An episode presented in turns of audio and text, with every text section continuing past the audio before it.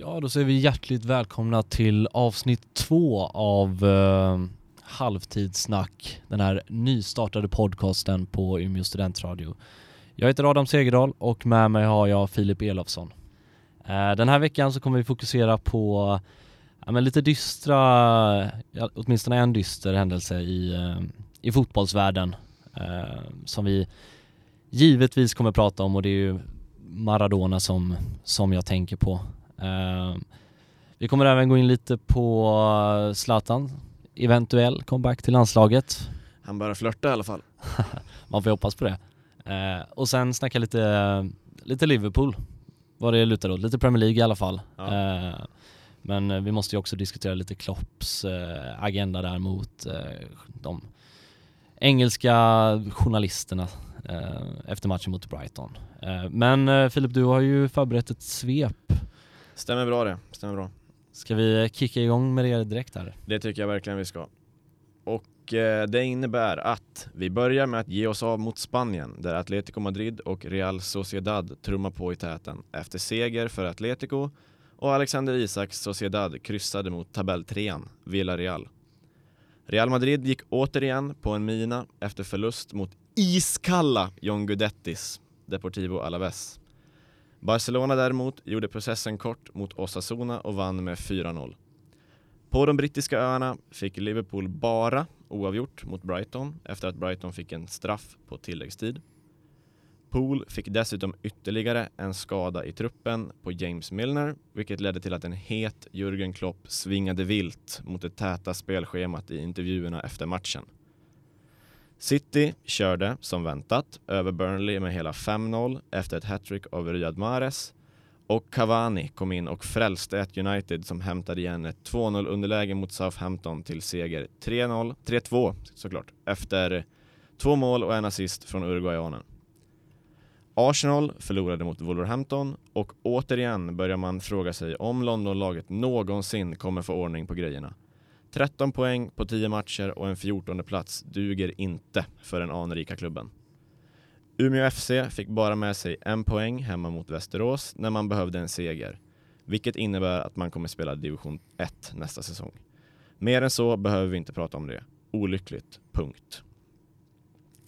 I Italien utökade Milan sin serieledning efter en seger med 2-0 mot Fiorentina utan skadade Ibrahimovic. Napoli besegrade Roma med 4-0 hemma på São Paulo som snart kommer att döpas om till Stadio Diego Armando Maradona och hedrade på så sätt Maradona ytterligare i och med vinsten. Napoli behöver nu alla ljusglimtar de kan få. Deras gud har gått ur tiden och finns inte längre. Snyggt. Ska vi, eh, vi kanske till och med ska börja lite i talen där och eh, om vi utgår i alla fall, börja med, med matchen där mellan Napoli och Roma. Såg du, såg du den matchen eller? Eh, stunder av matchen såg jag. Jag såg inte hela ska sägas. Nej, för det var ju ja, 4-0. Jag tror att det var största förlusten för Roma på typ åtta år eller något sånt där. Okej. Okay. Mm. Eh, men det kändes också som att den kom, den kom typ lägligt på Väldigt sätt och vis. Lägligt kan man, det, man bryr sig inte om att Roma gick på en stor förlust en dag som denna. Nej, för att det är klart att alla lag i Italien är någonstans påverkade av det här också. Eh, och säg att Napoli skulle förlora så hade man väl någonstans sagt att ja, men det har varit svårt att ladda om och så vidare. Men de gick ju in och totalt körde över Roma som eh, stundtals var riktigt, riktigt usla ja. i den matchen. Som sig bör att eh, Napoli ska vinna en sån här match faktiskt. Ja, ja men det kändes Är rätt. det sånt man vill i alla fall? Ja, det kändes rätt på något sätt att liksom få se de här tio fingrar upp i luften från uh, Insigne och ja. uh, även Mertens och, och så vidare. Liksom. Ja, jag vet inte om du såg de bilderna från, från Neapel efter dödsbeskedet kom. Jävligt magstarkt, alltså, eller liksom berörande bilder. Och man ser verkligen hur mycket Maradona har betytt för den staden. Mm. Var det i, jag tror, var det Boca Juniors hemmaarena som de hade lyst upp Maradonas eh, loge eller något sånt där där?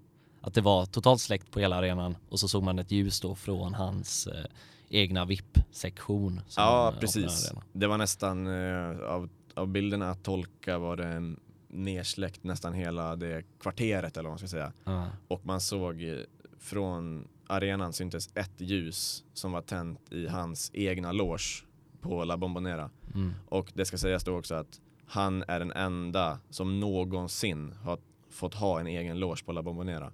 Mm. Han är den enda som någonsin har fått ha det för att de gör inte så annars med de logerna att eh, man får äga en sån. Som det kan vara på andra arenor att en specifik person äger en specifik loge. Mm. Men på La Bombonera finns det bara en loge som får ägas av en person och det var av Maradona. Mm. Ja, det det är är mäktigt. otroligt mäktigt.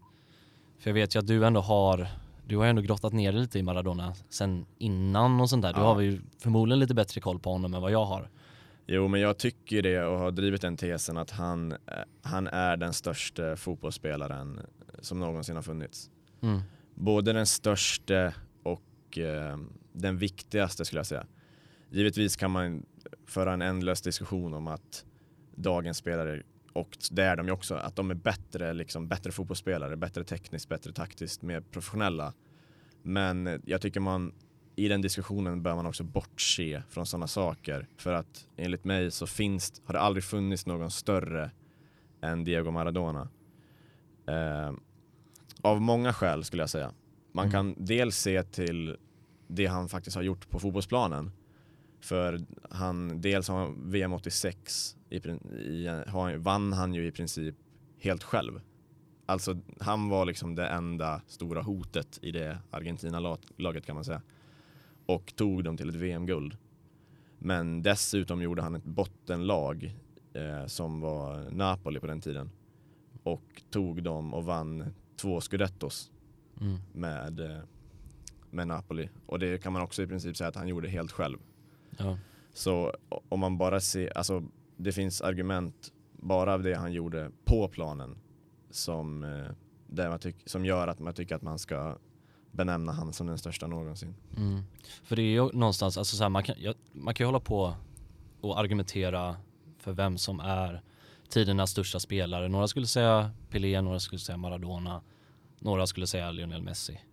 Ehm, Förmodligen. Kanske Ja. Ronaldo. Men Kanske kasta med Johan Cruyff för vissa, men ja, ja, förhållandena kanske. ja precis. Men någonstans. Men, Men det ja, det någonst- finns en del i den kategorin. Ja, men det känns också som att man, man kan diskutera hur mycket som helst men det, det finns ju särklass ingen spelare som har betytt så mycket för, Så många. för så många som Maradona har gjort. Nej. För han är ju på något sätt liksom, han är ju någonstans en visionär och ledare för den sydamerikanska slummen.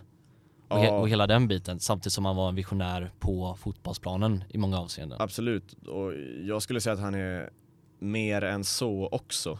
För att dels var han, jag tycker det tydligaste exempel, dels var han ju från slummen i, i Buenos Aires liksom, från eh, fattiga områden. Men samtidigt också, och det tror jag också var det som gjorde att han passade så bra i Neapel. För att på den här, det är de än idag, men framförallt på 80-90-talet så var Neapel en av Europas fattigaste städer. Mm. Och som styrdes med järnhand av eh, maffian. Camorran. Camorran, precis. Där hade Diego några polare. eh, nej, men och på så sätt när han kom till Neapel och de liksom kunde stoltsera med att den bästa spelaren i världen finns i vår stad Mm. så blev han på något sätt alltså den här rösten för de fattiga och han blev rösten för det liksom förtryckta Syditalien som liksom stod upp mot det liksom strukturerade och vad säger man, liksom rika Norditalien Mm. och eh, man får komma ihåg det att Neapel var ju liksom, det var ju, det sågs ju verkligen som en förort till Italien på Ja, sätt och vis. det kan man säga, så kan man beskriva det absolut. För att de var hela tiden utanför zonen, utanförskapet när det kom till eh, liksom den italienska kulturen och vad allt den står för liksom. Ja, precis. Och liksom Neapel blev ju på något sätt epicentrat för det här äh, fattiga Syditalien som under lång tid, alltså man har liksom från norra delen av Italien sett ner på den delen av landet. Och jag, jag tycker att Maradona, det han gör för staden och det han gör för befolkningen talar sitt tydliga språk. Bara exempelvis, om man tar ett exempel VM eh, 90 Mm. eh, där Ita- eh, Argentina spelade semifinal mot Italien på San Paolo Ja, just det. och eh, där Argentina gick vidare på straffar. Det, man firade ju i Neapel efter det för att bo, alltså Neapelborna hejade ju inte på Italien. Nej. De hejade snarare på Argentina enbart för att Maradona spelar där. Mm. Och det tycker jag säger väldigt mycket Mm. om vilken typ av spelare och vilken typ av person han var. Han har ju gudastatus i stan liksom. Ja, ja, verkligen.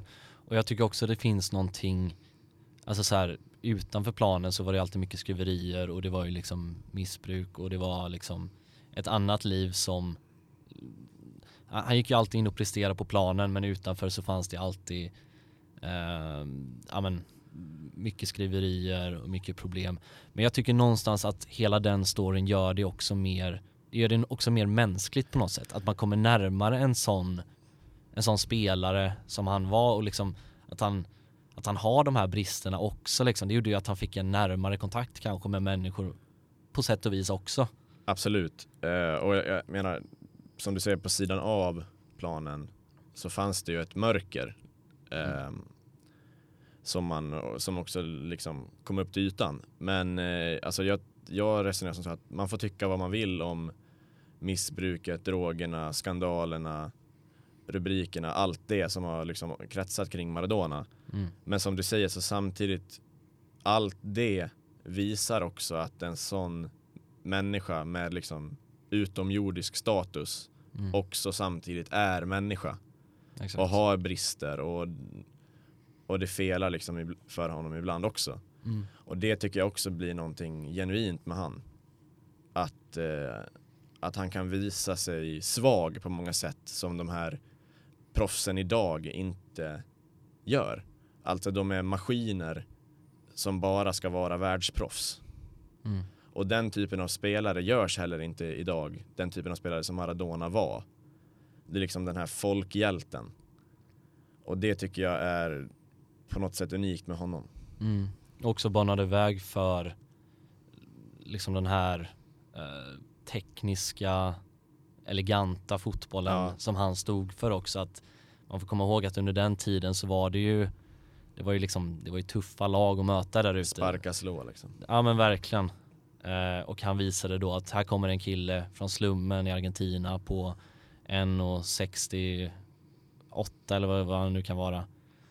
Och dominerar i, Ja, eh, i Italien men också i hela Europa och Mm. hela världen. Ja, för det, det, det är vem du liksom än ser prata, alla säger ju det att det fanns ingen på den här tiden som ens kom, kom i närheten av Maradonas status. Nej.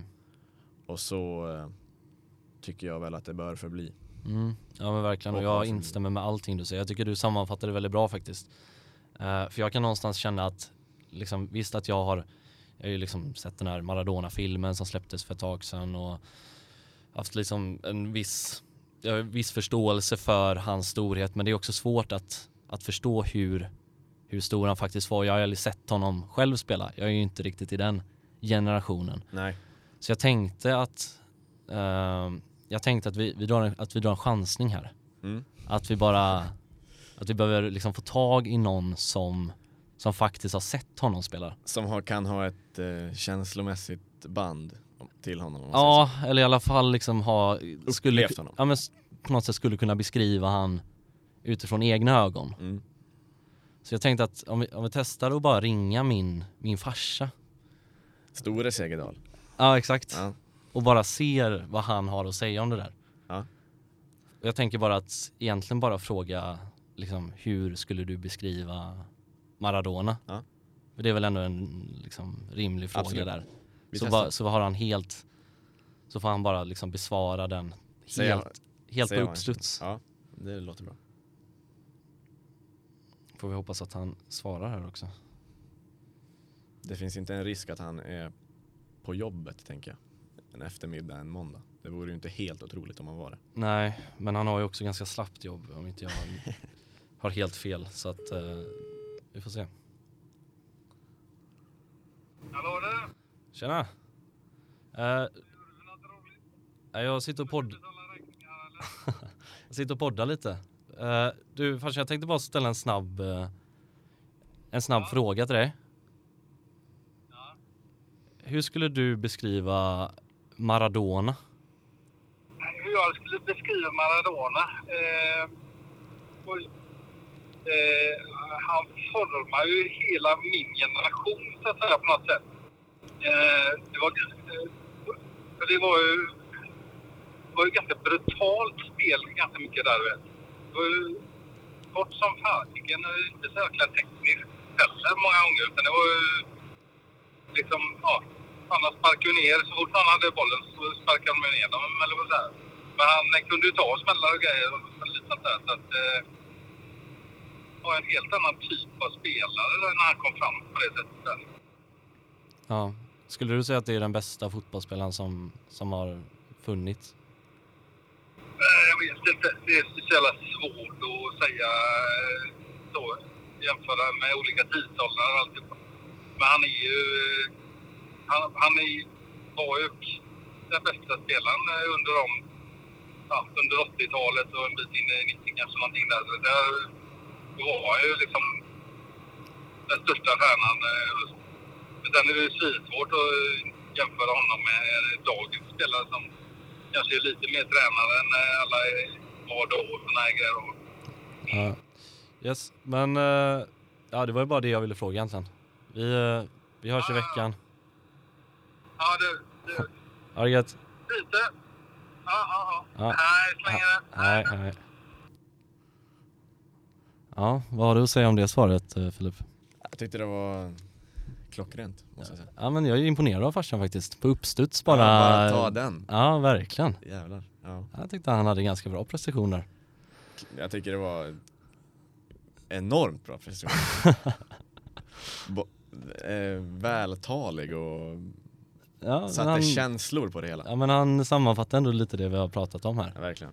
Ehm, och eh, ja, nej, men det är, en, det är en stor eh, förlust för fotbollsvärlden. Och det är väl någonstans där vi får landa i hela den här ja, tragedin. Tveklöst, tveklöst. Mm. Men om vi eh, tittar vidare ut i Europa här nu då och eh, kanske förflyttar oss här mot England. Eh, du nämnde det i svepet där att, vad sa du? Klopp han eh, slog mot journalisterna. Svinga vilt mot spelschemat. Ja, och egentligen så, det grundar ju sig egentligen i att han, han är upprörd och tycker att det är tv-bolagen som styr över de här, liksom när man, när man spelar matcherna. Ja, och, tiderna på matcherna helt enkelt. mm, och han har ju sin långa skadelista och är väl förmodligen, det är väl någonstans där känslorna kommer till. Samtidigt vet vi att Klopp tidigare, han gör det liksom gång på gång och går ut och liksom kritiserar att man då sätter ett fast spelschema och att hans Liverpool då med Europaspel blir alldeles för, eh, ja men de, de spelar för mycket matcher och på för, För kort tätt, ja. tid och Ja. de hinner inte återhämta sig. Nej. Och han tycker väl att det är en stor grund till att skadelistan ser ut som den gör. Och i den här desperationen då kanske efter eh, eh, eller kryssa sent 1-1 mål från Brighton i 93 eller någonting på en, på en straff så är han ju eh, inte nådig när han går och Nej. när han kritiserar om det här då. Det var en otrolig intervju därefter. Jag tror aldrig jag sett något liknande där han står och liksom öppet argumenterar och tjafsar med eh, intervjuaren. Mm. Och jag Och- tycker att han intervjuaren står på sig ganska bra där också. Att han, Ja. han, han någonstans, han, han står ju inte så här som vanligt att man, man låter dem bara komma till tal utan han går ju till motattack Ja. mot, mot Klopp. Absolut. För Klopp vill ju då också, han vill ju då att det ska kunna anpassas mer. Eh, det här med att eh, Premier League kanske borde ha fem byten under den här tiden och sånt där. Eh, och även ger en känga då till Chris Wilder, tränare i Sheffield United. Som, Som- tycker att man ska behålla tre. Ja men som tycker att man ska behålla tre. Precis. Och det är väl någonstans där som eh, ja, den här debatten går ut på. Och jag vet också att det som eh, det som Chris Wilder då anser det är att det ger en så stor fördel för toppklubbar att ha fem byten, vilket man också kan förstå. Ja, det, är ju, det finns ju två sidor av saken så att säga. Eh, det är ju unikt med England att eh, man inte har den här hjälpsamheten mot lagen som spelar Europaspel som finns i ja, men exempelvis Italien. Mm. Men eh, ha, jag tycker också att Chris Wilder har en poäng i det. Att visst att man, att man kan vara hjälpsamma mot dem som har tätare spelschema, som spelar ute i Europa, spelar Champions League och Europa League och liknande. Men samtidigt så gynnar ju det enbart dem. Mm. För Sheffield United som ska vara ett bottenlag, så för hans del så spelar det ju ingen roll. Det är bara bra om Liverpool har många matcher på rad. Mm. Så att jag tycker det, det, som sagt det finns två sidor av det här. Ja, Som eh, Klopp tycker jag inte har överseende med. nej. Och vi kan ju förklara det bara att det är ju, det är ju så att Premier League då sätter hela, de sätter ju alla omgångar innan säsongen ens har dragit igång. Precis. Utan eh, att ta hänsyn till Europaspelet. Ja men, ja, men Eller precis. lite grann gör de det givetvis, men, De har väl någonstans, de anpassar väl sig på något sätt Ja, också. Men, men inte tillräckligt då tycker Jürgen Klopp. nej, det tycker jag verkligen inte. Ehm, och Chris Wilder då, han går ut och säger att eh, han hävdar ju då att eh, att Klopp är självisk, om inte jag minns fel. Mm. Eh, men menar samtidigt då att alla, han har ju också en förståelse för Klopp, men att Klopp måste ha en förståelse för, för honom tillbaka. Ja. Att det handlar om att alla tränare i Premier League är själviska. Mm. Alla tänker ju på sitt De bästa. värnar liksom. ju om sitt eget lag liksom. Ja, och det gör man ju då genom att det gynnar ju Klopp att ha fem byten. Det gynnar, gynnar inte Chris Wilder om han ska möta Liverpool borta. Om de ska kunna slänga in, Fem nya gubbar nu. ja men två extra spelare. För jag menar, hur, hur- det finns kanske inte lika stor bredd på Sheffield Uniteds bänk. Det är man ju ganska liksom övertygad om. Ja, nej precis. Eh, så det är, ja men jag, jag vet inte, alltså så här, om man, om man ställer en öppen fråga då. Tycker du att Premier League ska försöka gå mot att sätta ett spelschema efter tid och liksom se hur, hur en säsong liksom formar sig? Alltså det är, det är ett dilemma med det där för att och det, den sitsen har ju England lite satt sig i själva eftersom att de har såna enorma tv-avtal.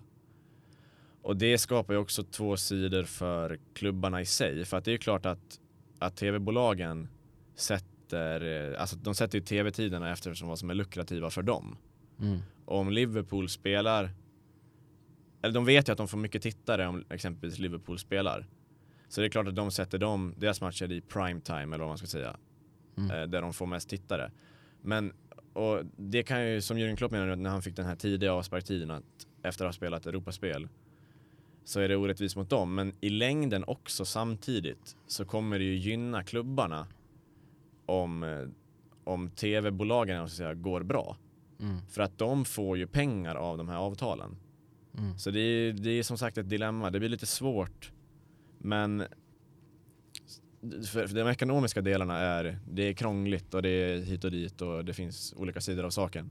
Sportsligt kan jag dock förstå den här säsongen att Klopp har de argumenten han har. För att när det har varit liksom den här coronasäsongen Mm. eh, där man spelat långt in på sommaren och inte fått en ordentlig eh, försäsong så kan jag tycka att även i England bör man kunna anpassa spelschemat mer och även möjligen införa fem byten eh, bara för att lagen har inte haft en ordentlig försäsong där de har kunnat liksom stärka sin fysik.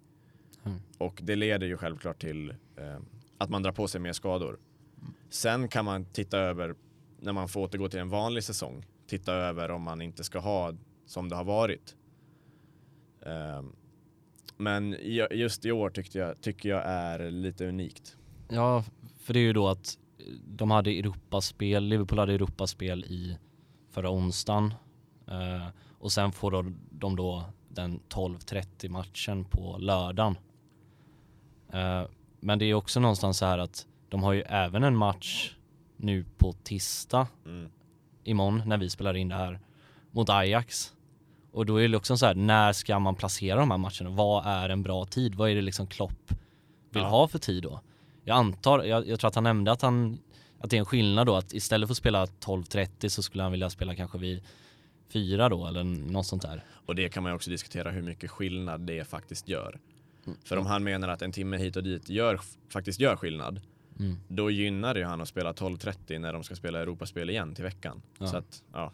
Men det är väl också det här att James Milner blev skadad och det är väl någonstans där kanske den här frustrationen kommer lite med och han tycker väl, han vill väl kanske ha någonting att skylla på med. Jag, jag vet inte. Han ut, alltså de här intervjuerna, han har ju klagat på det länge, men just de här uttryck, eller intervjuerna som blir lite extrema, han uttrycker ju de här åsikterna i frustration efter att ha tappat tre poäng i 93 Mm. ska ju sägas. Mm. Ja, ja men det är lite, vi hoppas att vi har förklarat det här hyfsat i alla fall så man förstår. Men eh, om vi pratar om en annan intervju eh, så är det ju, nu släpper vi England här. Och så blickar vi till, eh, till Sverige. För det var ju så att Erik Niva hade en intervju med Zlatan nu angående, angående liksom hur, hur han tänker, hur liksom han tänker om framtiden med landslaget, varför han har gjort liksom vissa val han har gjort med att gå in i, gå in i Bayern bland annat. Eh, för övrigt jävligt bra intervju. Otroligt intervju. Det blir ofta otroligt bra när eh, Erik Niva gör saker. Jag tycker också att det är en Zlatan som är väldigt så öppen och ärlig Mm. och, och det har jag så här, just den här han är ju liksom inte ödmjuk, absolut inte, men Nej. han är ändå någonstans, han har ju den här glimten i ögat igen som man, som man kanske liksom inte har sett så mycket på Zlatan de senaste åren. Nej. I alla fall inte sedan han kom till USA och hela den biten där. Men det känns som att han har en glöd i sig igen. Och jag tycker att han, han det är väldigt intressant att lyssna på när han förklarar det här att, att han letar efter det här drivet hela tiden. Han måste känna sig han måste känna sig motiverad när han kliver upp på morgonen och ska åka till träningsanläggningen. Precis. Ehm, Han är ju också, tycker jag, otroligt tydlig och liksom, i den här intervjun då, otroligt tydlig och pedagogisk skulle man kunna säga i hans förklaringar kring alla hans uttalanden om Janne och landslaget och Hammarby och disputen med Malmö och allt det här. mm. Han är ju rakt på sak, ärlig, förståndig och tydlig Jo, på ett det- sätt som jag tycker Zlatan, alltså han, kan, han, Zlatan kan uttala sig klantigt och göra saker som bara Zlatan kommer undan med. Men i den här intervjun tycker jag att han har en annan ton i rösten som, eh, som är eh, härlig på något sätt. Ja, och det känns som att det här är första gången på åtminstone väldigt länge som han verkligen öppnar upp. Och det är inte bara handlar om ett Twitterinlägg, någonting han lägger ut på Instagram, någon sån här Någonting- skämtsam, ja, någonting han säger i en intervju eller någonting som media plockar upp från ingenstans. Och liksom, alla de här stormarna som är kring han är ju inte på grund av honom heller jämt utan det är, det nej, som Olof Lunds bok till exempel precis. eller något liknande. Mm. Den här intervjun känns som att här fick han själv liksom förklara och liksom, ja och någon, någonstans visa upp en, en mer kanske mänsklig sida mot svenska folket. Vilket jag tyckte var väldigt, väldigt intressant att lyssna Ja, på. absolut, väldigt, väldigt kul att se Zlatan i den Också- intervjuformen också. absolut. Och det är ju en, alltså så här mycket har han ju aldrig öppnat dörren för en återkomst till landslaget. Det är en väldigt positiv ton mot Ja. att återvända. Ja men precis och han är ju också tydlig det här med att det är Janne som ska försöka höra av sig. Vilket jag tycker Vilket han är, har rätt i. Vilket han har väldigt rätt i. Det är, det är så att det är, det är Janne som ska forma det här laget. Och det är hans ansvar att se till att Ja. vill han ha Zlatan så ska Zlatan komma dit. Precis som han säger också att ehm, att känner Janne att han kommer dit och förstör så är han ju inte intresserad. Men Nej. kan han bidra så håller han dörren öppen. Och nu var det ju så att Janne var ju i Milano Ja. skrevs det om. Vilket visar att det här faktiskt är på riktigt också. För det skulle ju kunna vara någon så här PR-grej Mm. av Zlatan. Han vill upp och synas igen. Ja. Men att Janne dagen efter åker ner till Milano för ett möte med Zlatan. Det tycker jag på något sätt vittnar om att det här är, kan vara på riktigt. det, det verkar seriöst samtidigt som jag tror att jag tror att Janne vill nog bara få ett direkt avslut på hela den här cirkusen också. Så kan det också, så kan det också vara. Förstår du? Jag tänker, alltså så här att oavsett om Zlatan är med i landslaget eller om han inte är med i landslaget så tror jag att Janne någonstans vill sätta punkt för det måste vara jävligt påfrestande för honom att hela tiden höra de här spekulationerna och hela tiden få frågan att ska Zlatan vara med i truppen nu eller liksom är Zlatan aktuell för EM och så vidare. Jag tror att det är nog skönt för det känns som att det har varit lite så här tyst vapenvila mellan dem också så jag tror att det kan vara bra att bara få sätta lite punkt för det här också. Ja absolut, det kan jag tycka. Det är säkerligen jobbigt för Janne att ha den här stormen runt sig. Men samtidigt tycker jag att det är också hans skyldighet att så länge Zlatan är aktiv och så länge Zlatan levererar som han gör så är det också Jannes skyldighet att, att hela tiden söka att ha med han i landslaget.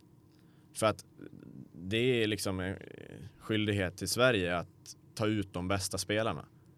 Nu har ju Zlatan sagt nej, men jag tycker samtidigt inte det heller ska stänga dörren för att Janne inte ska vara på han mer än vad han har varit. För det är klart att Janne ska ha med Zlatan om Zlatan eh, säger ja. Mm. Det är Sveriges bästa spelare. Så därför tycker jag också det här att ja, men Zlatan måste först säga att han vill. Mm. Ja, men samtidigt måste också Janne vara på Zlatan och, att, och säga att, att han vill mer än vad jag tycker att han har gjort. Ja. Och jag hoppas verkligen att, och sen har Zlatan gjort klantiga uttalanden och sagt dumma saker om Janne, absolut. Men jag tycker eh, att det här eh, är en lite speciell situation mellan de två personligen också. Mm. Och att jag hoppas att de kan försonas på ett sätt som gör att det här kan bli mer på riktigt. Ja, och sen vet man ju inte heller hur relationen där har varit riktigt heller för att det är klart att media spekulerar mycket i att de har haft en liten batalj och det Mm. har ju varit lite men så man, det, är- det är svårt att säga exakt hur, hur de två, Deras relation. deras relation är svår att kanske sätta exakta ord på. Absolut, men det är det jag menar att Janne borde kunna vara så pass professionell. Om han, tycker, om han tycker att det inte funkar personligen med Zlatan, det är en sak. Men det tycker jag inte heller att det har gått så pass långt. Nej. För att det är det jag menar att Janne borde kunna vara på så- pass eh, professionell att han bortser från Zlatans dumma uttalen till hans gräns om man säger så. Ja, Eh, För att det ska gå så bra som möjligt för landslaget. ja. Och samtidigt så har ju den här då pressen på att Zlatan till landslaget blivit ganska liksom lavinartad nu också med alltså i och med att det har gått så bra för han i, Mm. i Milan. För att innan kan jag tänka mig i LA, du vet han, han tackar nej till landslaget, var i LA, gjorde mycket, alltså så här, producerade där givetvis, men då kunde man någonstans liksom bortse från det i samband Det då en med att det gick, ja, men i samband då med att det gick så bra för landslaget också Mm. under, under VM och, ja, ja, och så vidare i, i kval eh, bland annat. Men nu känns det som att nu, nu är det ju någonstans en press från svenska folket om att, om att Janne ska göra allt i sin makt för att Få med han. ja. få med honom. Och eh, jag tycker det att tajmingen att ta med Zlatan nu är, eh, är helt perfekt. För att Zlatan kommer alltid vara Zlatan. Och saker och ting ska göras på hans villkor. Mm. Men jag tycker också i den här intervjun så uttrycker han sig på ett sätt eh, som på något sätt, han känns liksom ödmjuk inför uppgiften med landslagsspel. För att jag tror att han också har insett att ål- hans åldersbegränsningar eh, har gjort honom Alltså han kan inte göra samma grejer som han gjorde för fem år sedan i landslaget. Utan nu, nu är han den här målskytten, boxspelaren som inte springer så mycket men är på rätt plats vid rätt tidpunkt och utnyttjar sin speluppfattning. Mm. Snarare än sin, alltså fysiken har det ju men det här löpvilligheten och komma ner i banan och styra och ställa att spelen ska kretsa kring honom. Mm. Det tror jag han har insett att, han, att så kan det inte vara längre. Och det är därför jag tror att det vore perfekt spelmässigt också att ta med Zlatan nu. För man, om man har de här grovjobbande yngre spelarna runt honom samtidigt som då han bara får agera målskytt. För man kan ju inte komma ifrån heller att Sverige behöver en målskytt. Och Nej. det finns det ingen bättre än Zlatan. Nej. Och det är väl någonstans det som ni var också inne lite på i intervjun att, att det är en Zlatan för ja, 15-20 år sedan. Det finns en Zlatan för 10 år sedan. Mm. Det finns en Zlatan för 5 år sedan och det finns en Zlatan idag. Precis. Och det är väldigt olika typer av spelare. Eh, så att ja, vi får väl eh, hålla tummarna helt enkelt för att eh, de lyckas komma överens. Janne Klart han ska till E EM. Klart han ska till EM. Eh, innan vi avslutar så får vi bara nämna fort. Uh, Umeå FC åkte ut eh, ur superettan. Ja. Otroligt trist måste man ju säga. För jag tycker det tråkigaste är ju någonstans att man har, man har liksom krigat i division 1, man lyckas ta sig upp till superettan och sen är det en säsong som ser helt annorlunda ut i och med corona och ingen publik och så vidare. För att man får komma ihåg då att för Umeå så var det ju väldigt viktigt det här med att liksom få mer publik till matcherna och skapa ett större intresse för klubben. Ja, absolut. Och just då att har, säsongen har varit som den har varit och nu då är de tillbaka i division 1 Mm. är, eh, är det ju trist. Otroligt tråkigt. Men vi, eh, Så är det. Så är det tyvärr. Men vi får någonstans sätta punkt för det här avsnittet som inte blev så fokat på resultat och matcher och så här utan vi eh, det blev lite djupare diskussioner här om eh, lite olika händelser. Berörde annat idag. Men eh, vi hoppas att ni uppskattade det ändå. Så eh, hoppas vi även att ni eh, fortsätter att eh, lyssna kommande veckor här. Får se hur mycket poddar det blir nu över jul men eh, vi kommer tillbaka. Vi kommer att återkomma hur som helst. Så då får ni hålla utkik. Vi ses! Vi ses!